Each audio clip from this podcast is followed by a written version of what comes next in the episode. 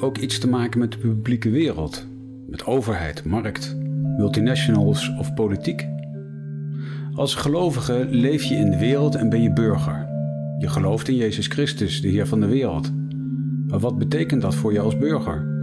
Hoe kijk je naar politieke machten en ontwikkelingen? Wat staat onze kerk en gelovigen te doen als het gaat over globalisering, klimaat, democratie, verdeling van rijkdom, oorlog en vrede, vrijheid of grote technologische ontwikkelingen?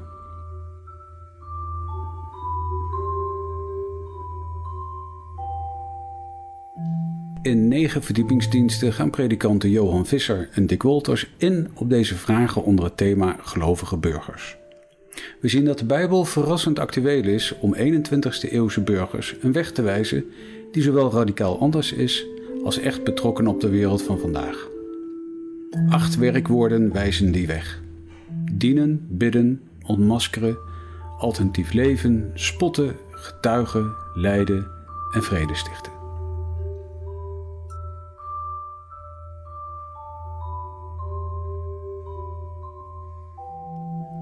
Dit is de derde uit de serie van negen. Thema is bidden. Voorganger is Dick Wolters. Opgenomen op 6 februari 2022 in de Noorderkerk te Amsterdam.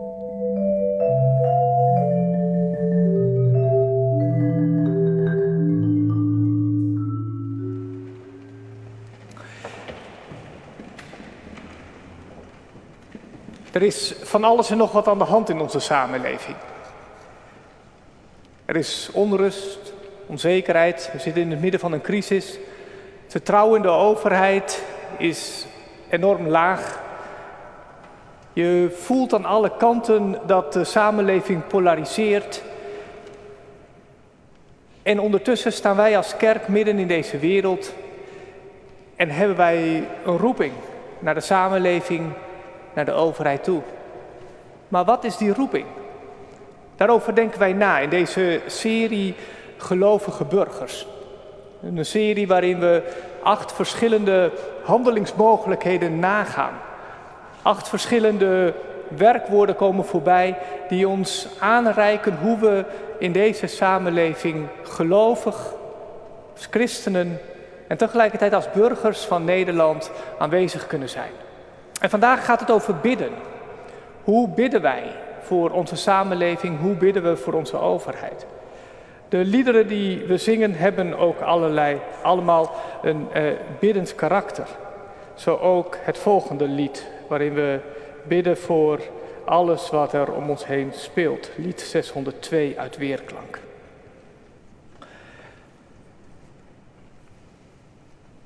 Vanavond zal vooral Abraham ons leren bidden. In Genesis 18 lezen we hoe hij voor Sodom bidt. En dat gedeelte lezen we en daarna zingen we Psalm 145, vers 5. Adam heeft bezoek gehad en toen de mannen weer verder gingen, lieten ze hun blik op Sodom rusten. Abraham liet met hen, liep met hen mee om hen uitgeleide te doen. De Heer dacht, waarom zou ik aan Abraham geheim houden wat ik van plan ben?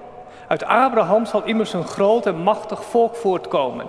En alle volken op aarde zullen wensen gezegend te worden zoals hij. Want ik heb hem uitgekozen. Hij moet zijn zonen en zijn verdere nakomelingen voorhouden de weg te volgen die ik wijs. Door rechtvaardig en goed te handelen. Alleen dan zal ik verwezenlijken wat ik Abraham heb toegezegd. Daarom zei de Heer, er zijn ernstige beschuldigingen geuit tegen Sodom en Gomorra. Hun zonden zijn ongehoord groot. Ik zal er naartoe gaan om te zien of de klachten die ik over hen heb gehoord gegrond zijn. En zij verwoesting over zich hebben afgeroepen. Dat wil ik weten. Toen gingen de twee mannen weg naar Sodom, terwijl Abraham bij de Heer bleef staan. Abraham ging dichter naar hem toe en vroeg: Wilt u dan behalve de schuldigen ook de onschuldigen het leven benemen? Misschien dat er in de stad vijftig onschuldigen zijn. Zou u die dan ook uit het leven wegrukken en niet de hele stad vergeving schenken omwille van die vijftig onschuldige inwoners? Zoiets kunt u toch niet doen? hen samen met de schuldigen laten omkomen, dan zouden schuldigen en onschuldigen over één kam worden geschoren. Dat kunt u toch niet doen? Hij die rechter is over de hele aarde moet toch rechtvaardig handelen? De Heer antwoordde, als ik in Sodom vijftig onschuldigen aantref, zal ik omwille van hen de hele stad vergeving schenken.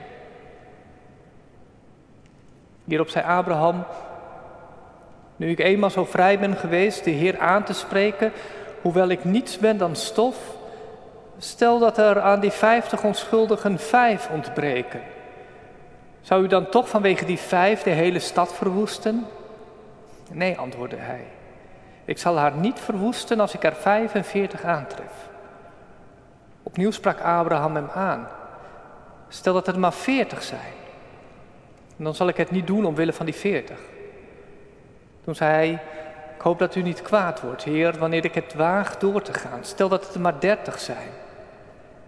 Ik zal het niet doen als ik er 30 aantref. Hierop zei hij, ik ben zo vrij de Heer opnieuw aan te spreken. Stel dat het er maar twintig zijn. Dan zal ik de stad niet verwoesten omwille van die twintig. Abraham zei, ik hoop dat u niet kwaad bent, Heer, wanneer ik het nog één keer waag iets te zeggen.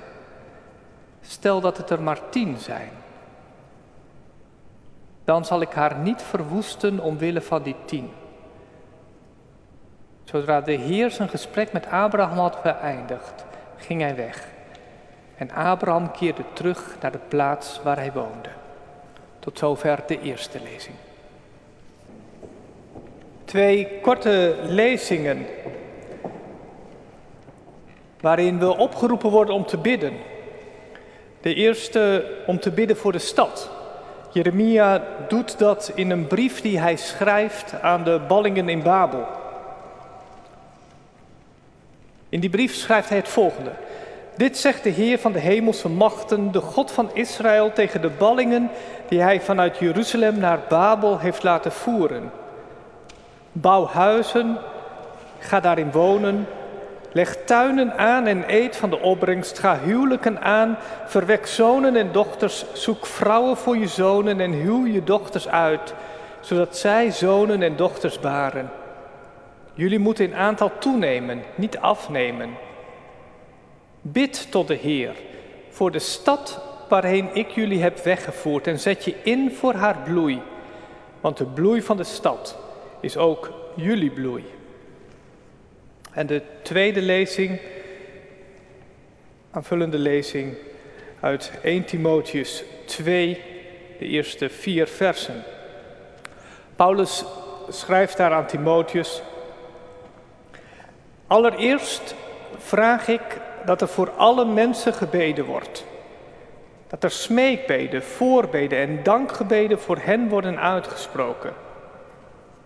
Bid voor alle koningen en gezagsdragers, opdat we rustig en ongestoord kunnen leven in alle vroomheid en waardigheid.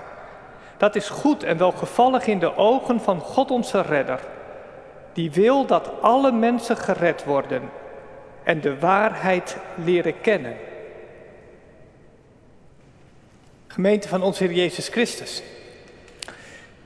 Wat is onze roeping in deze wereld?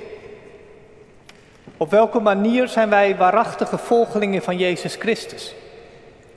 En dat niet alleen in onze privésfeer, maar ook gewoon midden in het maatschappelijk leven, in de samenleving, in relatie tot de politiek, tot de machthebbers, tot de overheid.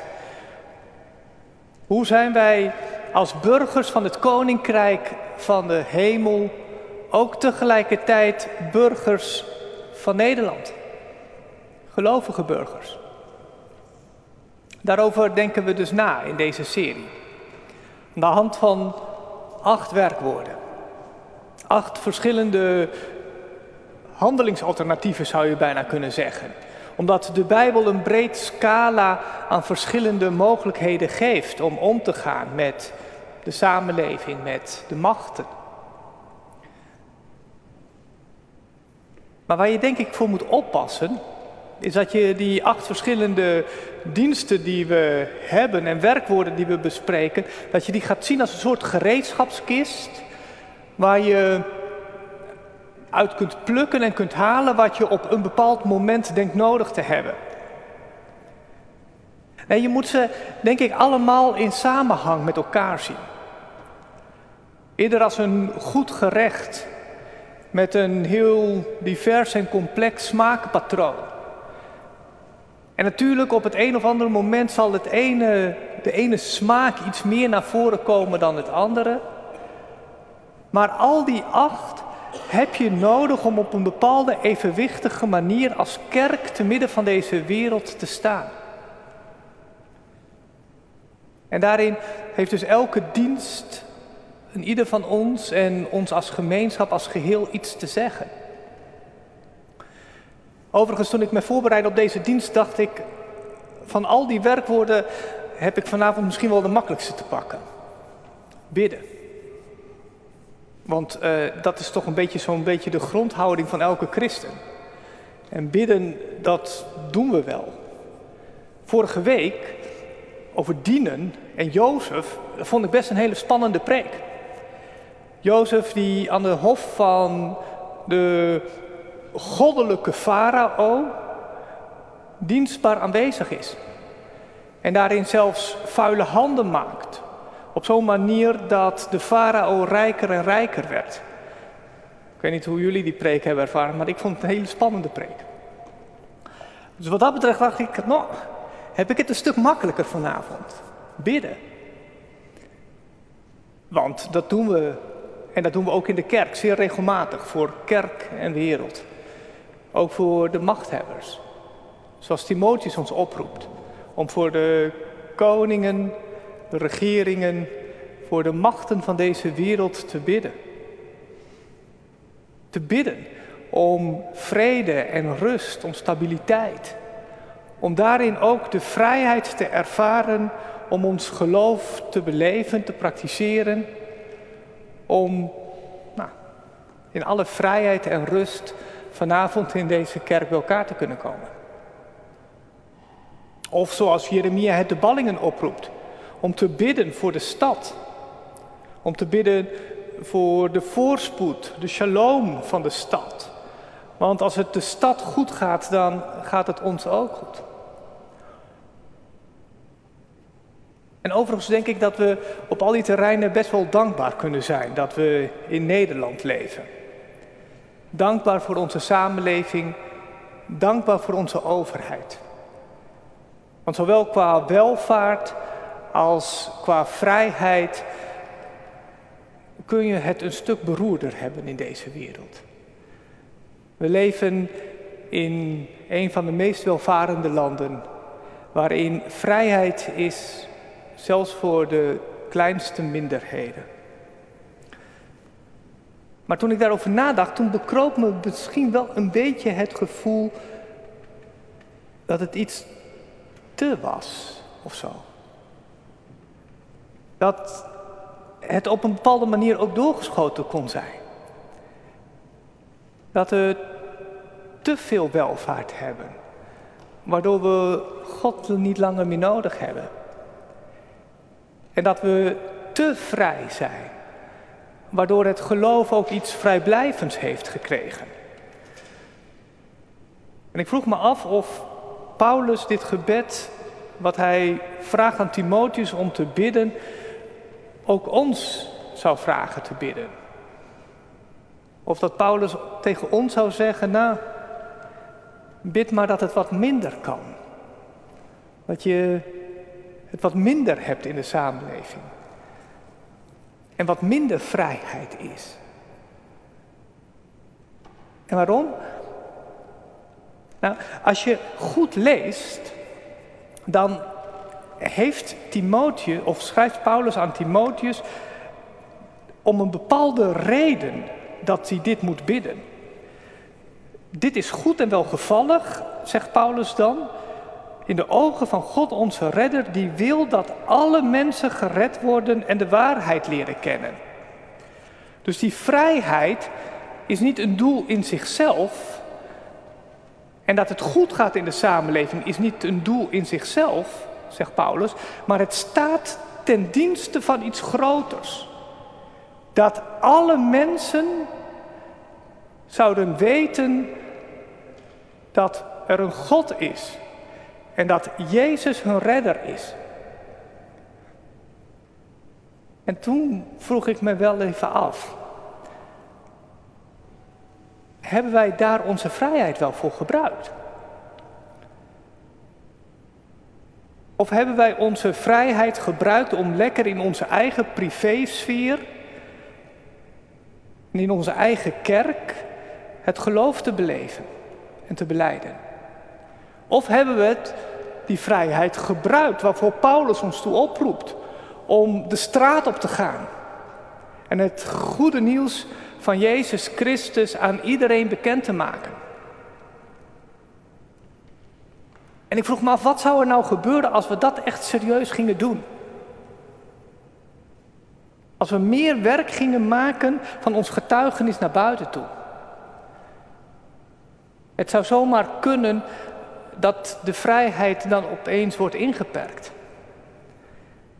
En dat je te maken krijgt met weerstand. Zoals zoveel christenen wereldwijd. En dat je dan beseft aan wie Paulus dit schrijft.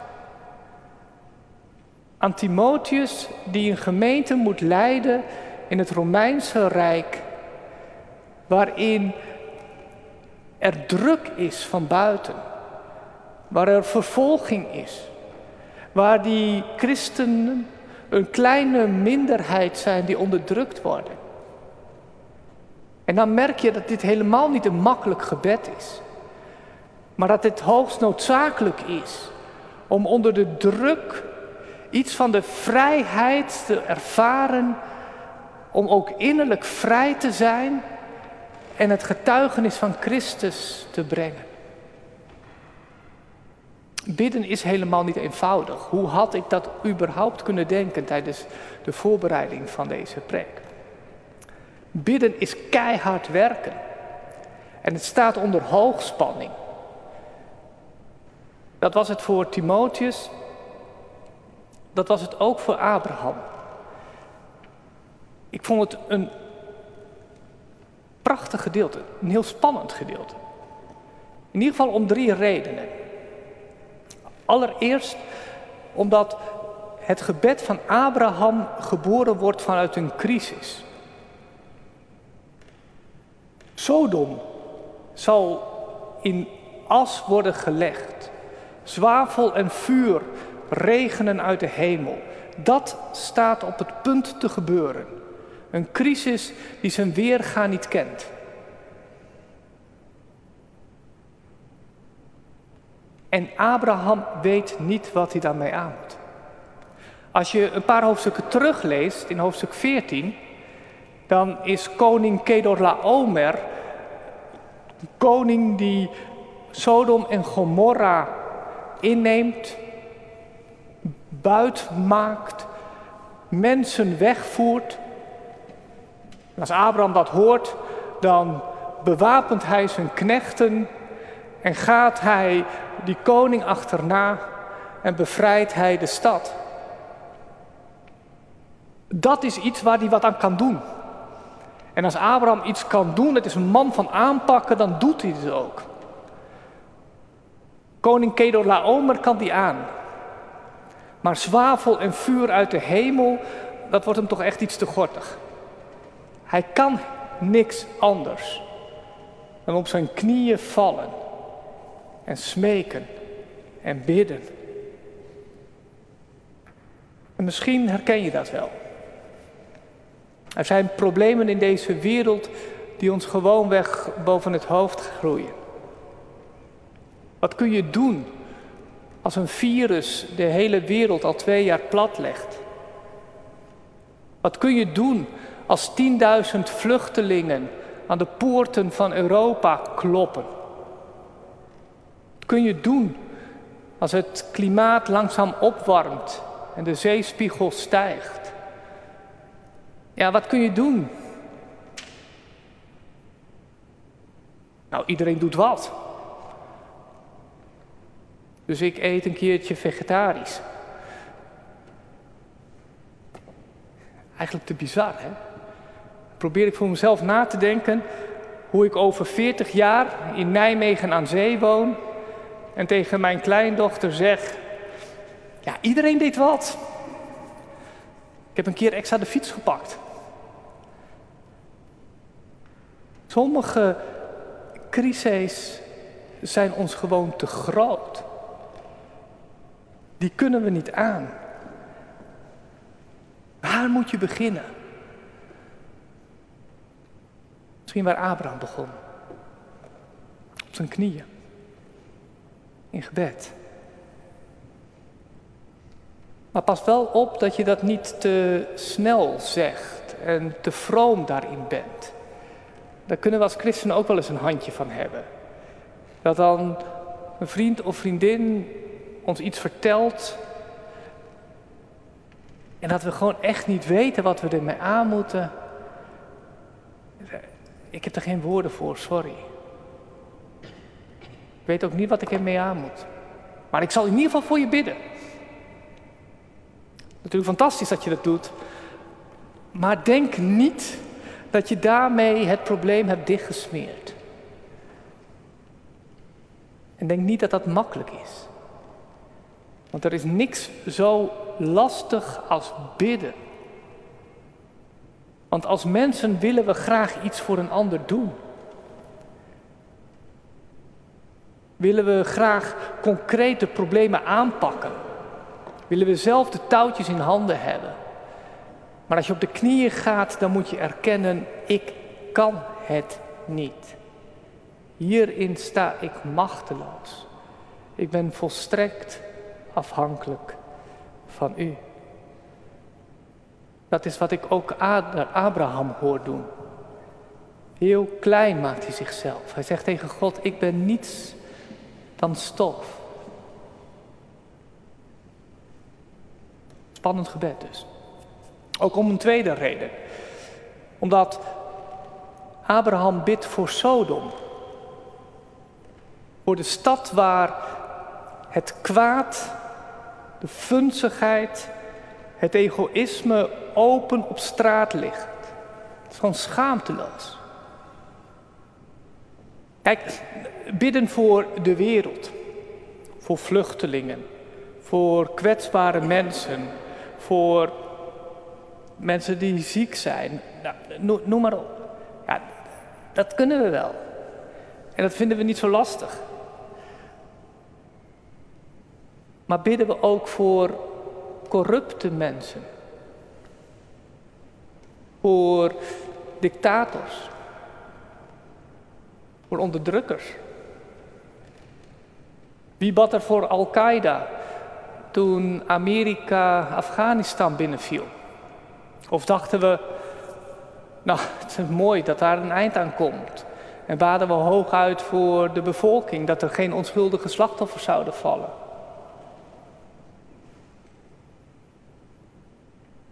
Wie bad er voor de banken tijdens de economische crisis, dat ze niet om zouden vallen? Of baden we vooral voor de kleine spaarders, dat ze niet getroffen zouden worden? Wie heeft de afgelopen tijd voor de Voice gebeden? Of dachten we, nou, eindelijk van dat programma af. En baden we hooguit voor de slachtoffers van seksueel geweld. We doen voorbeden voor de Oeigoeren en de vervolgde kerk in China. Maar bidden we ook voor het land, voor haar overheid. Jeremia roept de ballingen op om voorbeden te doen voor de stad waar ze gevangen zitten. Voor hun onderdrukkers. Voor degenen die hen gevangen hebben genomen. Ze hadden ook met Psalm 137 kunnen bidden om de ondergang van Babel. Maar Jeremia roept hen op om te bidden voor de stad en zich in te zetten voor haar voorspoed. Abraham had ook kunnen bidden voor Lot. En dat God Lot zou redden uit de stad. Maar hij kiest ervoor om te bidden voor de hele stad. Abraham bidt om redding voor de onrechtvaardigen. En dat doet hij, en dat vind ik het derde spannende aan dit gedeelte, met een beroep op Gods rechtvaardigheid. Meestal kom je het in de Bijbel precies andersom tegen.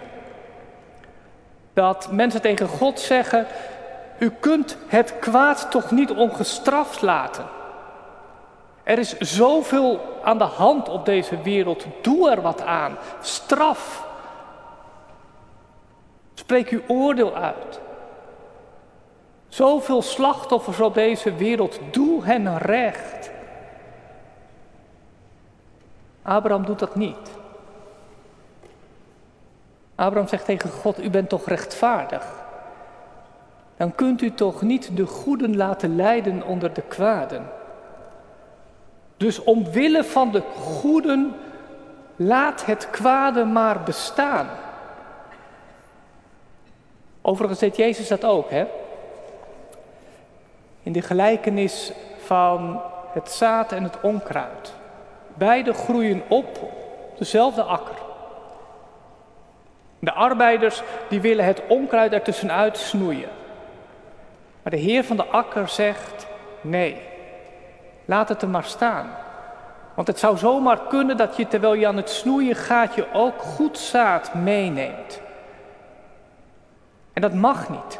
Dus laat ter wille van dat goede zaad ook maar het onkruid opgroeien.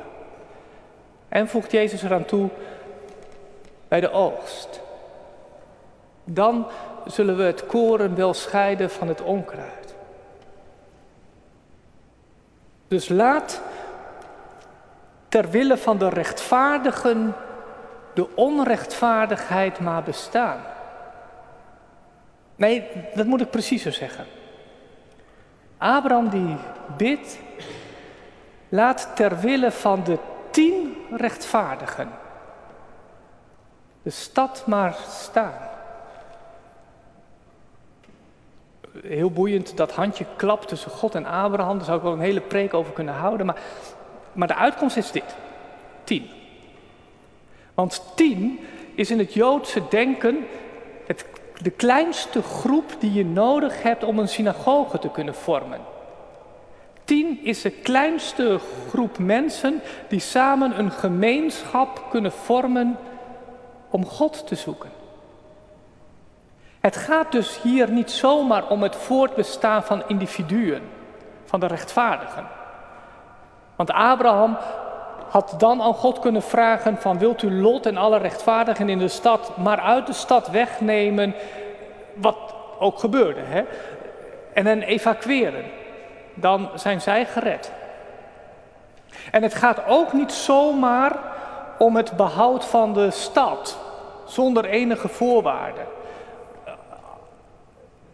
Dan had Abraham helemaal niet hoeven te pleiten op die rechtvaardigen. Dan had hij gewoon tegen God kunnen zeggen: U bent toch een liefdevolle God. Spaar die stad dan. Nee, het gaat in dit gedeelte om de hoop die er in een stad, in een samenleving is, als daarin nog een gemeenschap is die God zoekt. De hoop die een stad heeft als daar nog een groep mensen is die werkelijk van verschil kan zijn voor de stad. Want dit is als een zaadje dat gezaaid wordt. En dat kan groeien en bloeien en vrucht dragen. Deze gemeenschap van mensen zijn als een olievlek die de hele stad door kan gaan. Dit, deze groep mensen kan het verschil maken.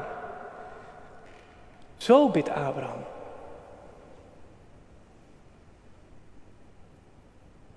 En met dat hij bidt, vraagt hij dus aan God, vraagt hij aan zichzelf en vraagt hij aan ons om anders te kijken naar de wereld om ons heen.